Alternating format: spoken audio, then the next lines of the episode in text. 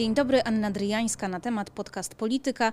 Dziś naszym gościem jest Robert Biedroń, europoseł, lider wiosny. Dzień dobry. Dzień dobry pani redaktor, dzień dobry państwu. Chciałabym zapytać na początek, czy wsiadłby pan do samolotu z panem prezydentem Andrzejem Dudą?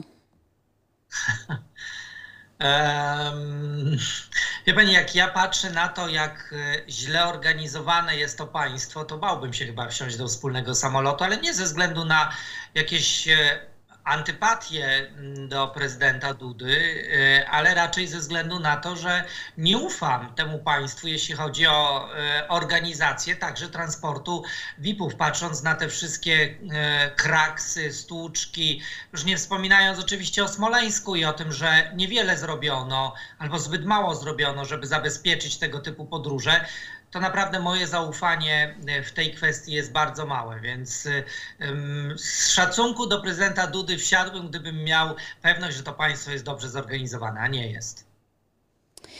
Pytam e, w związku z, z, informacjami opublikowanymi przez Wirtualną Polskę o, o, naciskach na pilotów w zeszłym roku, um, którzy pana prezydenta transportowali i o um, ukrywaniu tej sytuacji, um, zarówno przez lot, jak i przez, przez rząd. I niedawno była 11. rocznica katastrofy smoleńskiej. W telewizji publicznej został wyemitowany film Ewy Stankiewicz. Pokazano zdjęcia Ewy Kopacz z prosektorium. E, jak pan to wszystko przyjął? Bo rozumiem, że śledzi pan sprawę. Obrzydliwie. Obrzydliwie dlatego, że mm, takich rzeczy się po prostu nie robi. To Smoleńsk jest raną, która nie jest zagojona. Smoleńsk jest raną, która będzie się goiła jeszcze przez dziesięciolecia w naszym kraju. I e, cała ta sprawa jest otoczona wielkim bólem, wielkim żalem, e, wielkimi emocjami nie tylko najbliższych, ale także całego polskiego społeczeństwa. I naszym obowiązkiem jako polityków ponad podziałami jest zrobić wszystko, żeby ona się zabliźniła, żeby, e, żeby ta rana już e, w końcu i nareszcie nie krwawiła. A e, mam wrażenie, że fanatycy prawicowi, religijni sadzają tą ciągle palec w tę ranę, ciągle jątrzą, ciągle sprawiają, że ten ból nie dotyka tylko nas, ale dotyka przede wszystkim najbliższych. Jak czują się rodziny e, ofiar e, tej katastrofy? Jak czują się rodziny, które najbliżsi słyszą ostatnie słowa z kokpitu tego samolotu, które puszczają ci fanatycy religijni, a ci bliscy muszą tego słuchać. Jak czują się ci, którzy oglądać muszą jakieś inspirowane z Kremla zdjęcia e, Ewy Kopacz, która pojechała tam pomagać. Wiemy dobrze, że robiła wszystko, co w jej mocy, żeby, żeby pomóc, wiedząc jednocześnie, że ludzie w takich sytuacjach zachowują się różnie i nie można tego oceniać, e, nie znając kontekstu, nie wiedząc, jak e, wyglądała ta sytuacja i po tylu latach. To jest naprawdę obrzydliwe, ohydne i wstydzę się w ogóle, że musimy jako klasa, ale w cudzysłowie klasa polityczna o tym w ogóle rozmawiać, bo boję się, że to służy Kremlowi, a nie e, zagojeniu się tej krwawiącej rany. Mówiąc o rzeczach, które nas łączą, o gojeniu ran, co dobrego by pan powiedział o Szymonie Hołowni? że ma inicjatywę, że dla wielu ludzi jest jakąś nadzieją. Ja mogę się z tym nie zgadzać i, i krytykować oczywiście politycznie, ale myślę, że wiele osób, e, szczególnie tych, którzy szukają takiego prawicowego projektu alter, będącego alternatywą dla koalicji obywatelskiej, pewnie e, widzi w tym nadzieję. Widzę energię Szymona Hołowni i w pewnym sensie trzymam kciuki, bo jeżeli e, jego energia i determinacja doprowadzi do tego, że pożegnamy się z pisem, to, mm, to daj Boże, używając retoryki Szymona Hołowni. A widzi się pan na jednych listach wyborczych z Szymonem Hołownią, z Borysem Budką? Myślę, że opozycja powinna iść obok siebie i mm, także ten scenariusz y, rozważyć, jeżeli on tylko będzie służył temu, żeby mm, e, pogonić PiS, bo dzisiaj y, dla opozycji najważniejszym zadaniem jest zmiana władzy. Władzy, która jest nieudolna, która zostawiła ludzi samych sobie w czasie pandemii, kiedy trzeba było im pomagać, zajęła się sobą, e, upychała kieszenie tylko tych, którzy mieli, mają legitymacje partyjne i traktują państwo jak bankomat, wyciągają za pomocą tych legitymacji kasę. Więc y, wszystkie scenariusze dzisiaj są w mojej ocenie możliwe. Idźmy obok siebie, y, nie atakujmy się. Ja też z takim niesmakiem patrzę, jak Szymon Hołownia na przykład wyciąga kolejnych parlamentarzystów, głównie z koalicji obywatelskiej bo to nie pomaga jedności na opozycji. To nie jest ta nowa jakość, którą byśmy szukali. E, trzeba budować swoją e, pozycję za pomocą swoich ludzi, a nie zgranych kart, które Szymon Hołownia zaprasza do swojego projektu. Myślę, że to się wielu jego wyborcom, którzy mieli nadzieję na nową politykę, może nie podobać, ale mm, uważam, że dla nas najważniejsze jest, żeby iść obok siebie i, e, i doprowadzić w końcu do tej zmiany, na którą czekamy, a jesteśmy zmęczeni zmęczeni opozycją, która przegrywa kolejne wybory. Nie wiem, czy dobrze odczytuję, ale w Pana głosie jest taka obawa, że być może Szymon Hołownia przyjdzie po któregoś z pańskich parlamentarzystów. Przecież już wyciągnął Hannę Gil-Piątek i może kogoś innego ma jeszcze na oku. No to prawda, Hania Gil-Piątek siedzi już po prawicy ojca i e, niestety nie angażuje się już z taką intensywnością e, w walkę o równouprawnienie kobiet i mężczyzn, czy wiele innych kwestii ważnych, na przykład świeckie państwo. Widziałam ją na e, strajku kobiet na własne oczy, była w maseczce A Hołowni. jej wypowiedzi na temat aborcji na przykład ostatnio? Co powiedziała? No właśnie nic. I to jest ten problem. Bo ja słyszałam Kiedy ostatnio, mówi... że mówiła, że będzie głosowała tak, tak jak dotychczas. Inaczej niż Szymon Hołownia by głosował, będzie się trzymała tego, ale co... Nie, ale tych głosowań nie będzie w najbliższym czasie, a walki jakieś nie widzę i determinacji takiej jak wcześniej. Szkoda. Wie pani, każdy, kto będzie chciał przejść, e, to przejdzie. Tego nie jesteśmy w stanie zatrzymać. Posłowie e, zbyt bardzo często kierują się nie wartościami, a być może jakimś zyskiem politycznym, tymczasowym.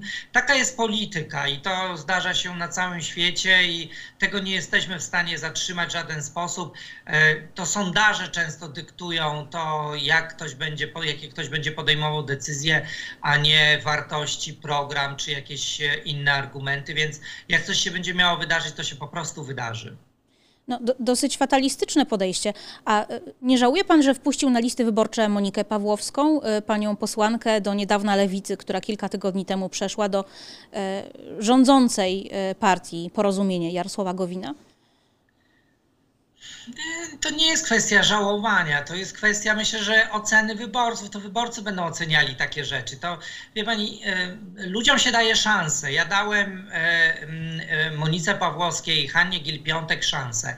Zdecydowały się przejść na prawicę, zdecydowały się opuścić szeregi lewicy, które wydawało mi się, że będą wierne. I takie decyzje podej- podjęły. No, naprawdę w polityce ludzie podejmują różne decyzje. Ja już się naoglądałem tak wielu różnych sytuacji, że, że szczerze mówiąc, chciałbym iść z tymi, e, którzy chcą podążać tą drogą wartości, wizji państwa, którą ja idę. Jak ktoś po drodze zdecyduje się wybrać inną drogę, to, to, naprawdę szkoda mojego czasu, energii na to, żeby to rozpatrywać i e, jakieś mieć złe emocje. Ja żywię się tylko dobrymi emocjami, a złe staram się zostawiać z tyłu. Mówiąc o emocjach, o drodze, e, o, o tym, e, gdzie, gdzie zmierzamy politycznie, jak to się stało, że e, ten wielki ruch, jakim jest strajk kobiet, nie przełożył się na poparcie dla lewicy? Przecież tysiące ludzi, setki tysięcy ludzi były na ulicach w ciągu ostatnich kilku miesięcy, no a lewica jest nadal na tych swoich zaczarowanych 11%. Jak to jest możliwe? Ten ruch nie był lewicowy, ten ruch był przede wszystkim demokratyczny, obywatelski, walczący o prawa człowieka i i chciałbym, żeby też taki pozostał. Źle by się stało, gdyby któraś partia chciała to zawłaszczyć i, e, i przejąć dla siebie, w jakiś sposób zdyskontować politycznie. E, my na lewicy na pewno będziemy zawsze solidarni z postulatami strajku kobiet. My nie mamy dylematów, e, czy opowiadać się za wolnym wyborem e, dla kobiet, jeśli chodzi o przerywanie ciąży, bo zawsze byliśmy na tych pozycjach. To jest ciało kobiety, to jest jej decyzja i ma prawo do tej decyzji. I jeżeli gdziekolwiek możemy wesprzeć e, mm, e, kobiety, ale też przecież solidarnie walczących mężczyzn e, o prawo do decydowania w tym zakresie, to będziemy. I były tam nasze posłanki, byli nasi posłowie. Jest Była pani posłanka Monika Pawłowska. Była pani posłanka Monika Pawłowska, przypomnę. No, była, była i to jest fantastyczne, jak jest salto mortale można zrobić w polityce i przejść na drugą stronę. No to jest rozczarowujące, ale to jest decyzja pewnie wyborców, którzy będą podejmowali w przyszłości ocenę tego zachowania. Naprawdę, ja będę ostatnią osobą, która będzie rzucała kogokolwiek kamieniem, bo to nie jest chyba. Ale rozumie pan, że wyborcy mogą mieć trochę też pretensje do pana, bo oni głosowali na y, Monikę Pawłowską z lewicy. To były ważne te dwa elementy. Myśli, czy pani myśli, że jak ja bym wiedział, że ona y, przejdzie do prawicy, to ją zaprosił na listę? No pani redaktor, no przecież to oczywista oczywistość, cytując klasyka, że ona w życiu by się na tych listach nie znalazła, więc... Y, no ale były zarzuty dotyczące mobbingu, były te kwestie różne wokół ale takie zarzuty się nie potwierdziły, jak pani wie. Ona, my tą sprawę badaliśmy, sąd koleżeński zbadał dokładnie tą sprawę.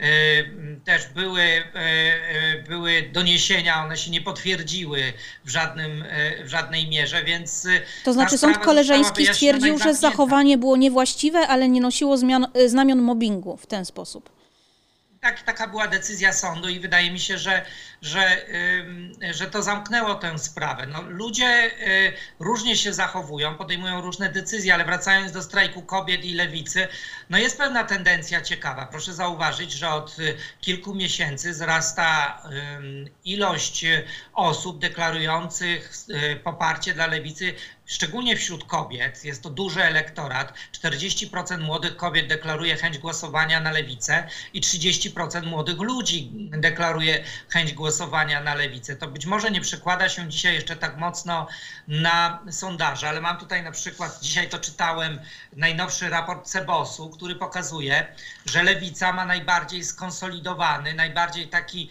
jednoznacznie opowiadający się, na kogo chce głosować elektorat i ta konsolidacja nastąpiła zresztą zgodnie z opisem e, raportu Cebosu właśnie po strajkach kobiet, więc jakieś e, pozytywne efekty dla przyszłości postępowej Polski są w tym wszystkim. No ale nadal jest to 11%. Czy macie jakiś pomysł na to, jak to zmienić na swoją korzyść? No wiem, pani redaktor, i to są moje nieprzespane noce oczywiście. nie wygląda pan na niewyspanego. Proszę. Nie wygląda pan na niewyspanego.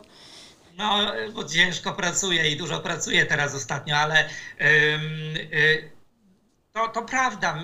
My robimy oczywiście wszystko, żeby te sondaże były lepsze. Lewica y, jest dzisiaj zjednoczona i to zjednoczenie było naszym celem.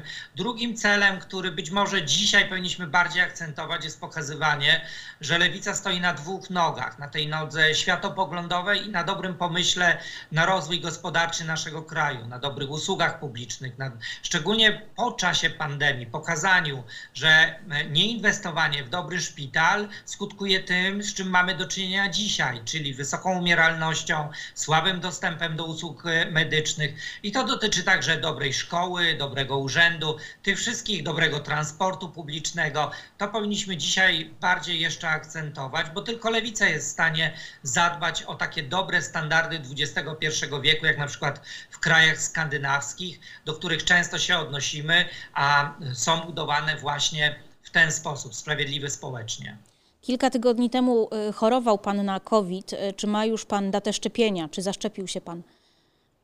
E, nie, niestety jeszcze się nie zaszczepiłem, e, ale czekam z utęsknieniem na swój termin, na, na tę datę, bo, bo wiem, że trzeba się szczepić. Przeszedłem COVID. E, na szczęście dość lek, w lekkim stanie. Zresztą wczoraj oddawałem osocze, żeby pomóc tym, którzy potrzebują takiego wsparcia i apeluję o to, że jeżeli ktoś przeszedł COVID, to żeby pokazać tą solidarność i oddać też to osocze, bo każde osocze jest w stanie uratować kolejne życie.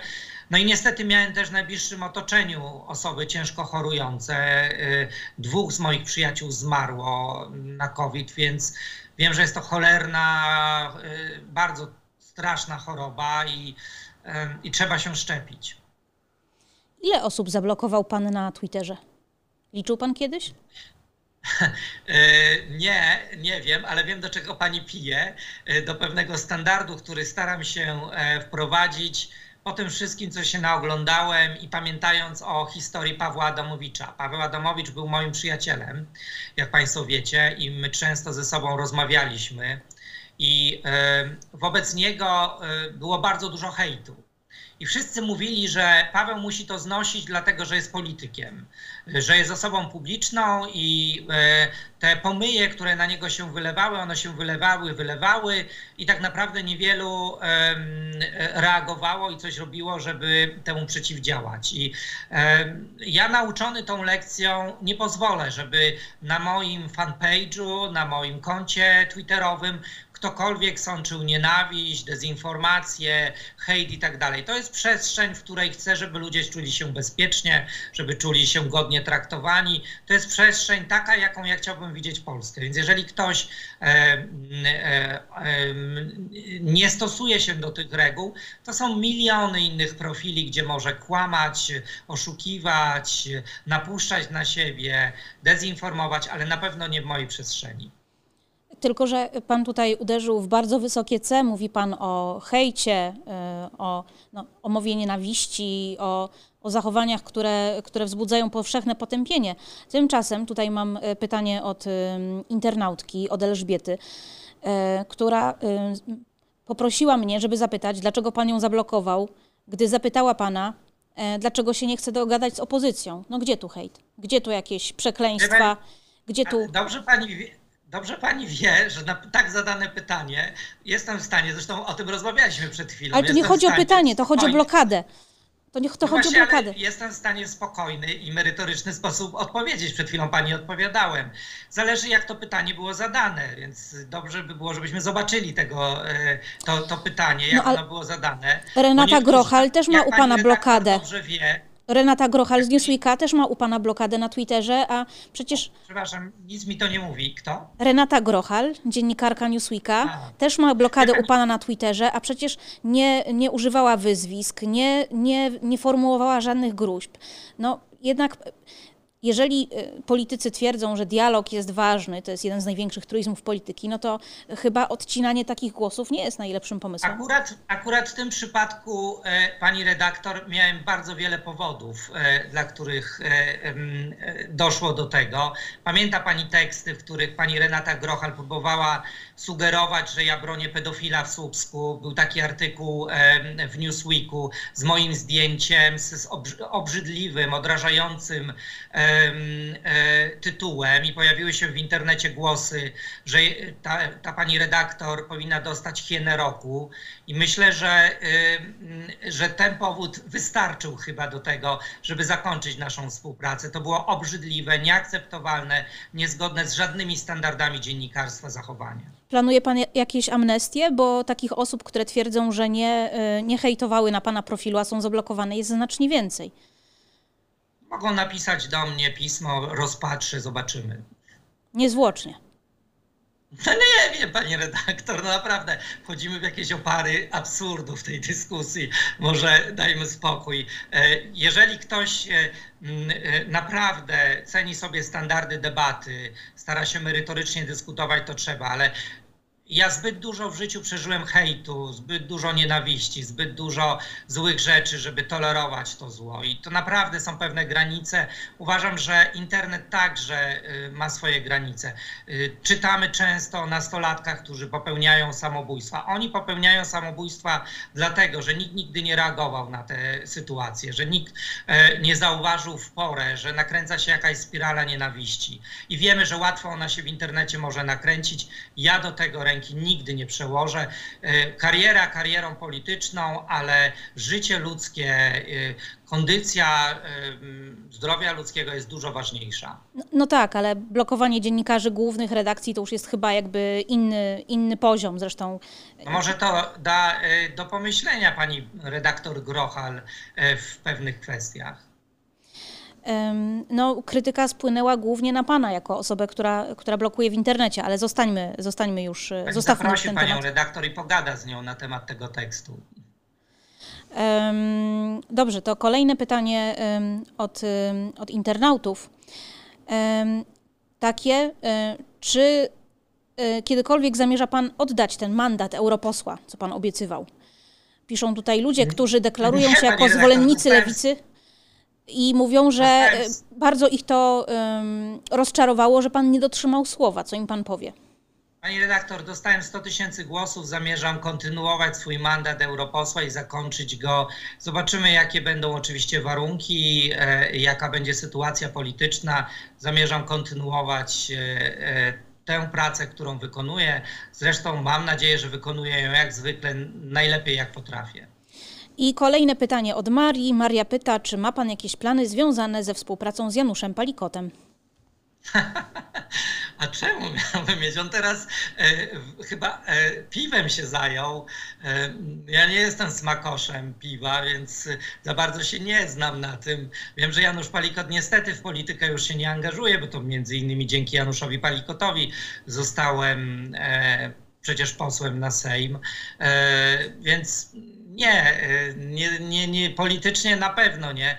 My się oczywiście znamy, lubimy, przyjaźnimy, ale chyba zawodowo to nasze drogi, przynajmniej na razie się rozeszły. On jest od piwa, ja jestem od polityki i chyba na razie tak zostanie.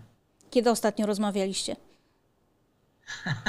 E, e, prywatnie często. Mm, ciągle rozmawiamy, jesteśmy ze sobą w kontakcie, więc chyba kilka dni temu.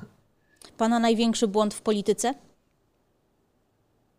E, w polityce, no wie pani, jak się coś robi, szczególnie rzeczy mm, tak szerokie, jak na przykład tworzenie partii politycznej czy jakiegoś ruchu politycznego, no to człowiek siłą rzeczy popełnia błędy. No każdy popełnia błędy i jest ich dużo, tylko Pewnie to ja w swoim osobistym konfesjonale będę sobie rozmawiał o tych błędach. Tak jak ja powiedziałem, dla mnie, ja, ja nie staram się iść do przodu. Ja staram się zastanawiać nad przyszłością, nie rozdrapywać ran i tych także złych rzeczy. Oczywiście uczyć się na błędach i starać się te potknięcia w jakiś sposób y, analizować, ale jest tyle dobrych rzeczy, które można robić. Tyle energii potrzebujemy na, na pracę, na przyszłość, że naprawdę to nie może człowieka w jakiś sposób przytłoczyć. Trzeba, trzeba robić rzeczy dobre na przyszłość przede wszystkim. Ja jestem człowiekiem postępu, progresji i w to wierzę. Ostatnie pytanie zadam panu takie same, jakie zadałam na przykład Radosławowi Sikorskiemu. Czyli e, gdyby to od pana e, zależała pierwsza decyzja e, polityczna po upadku PiSu, co to by było?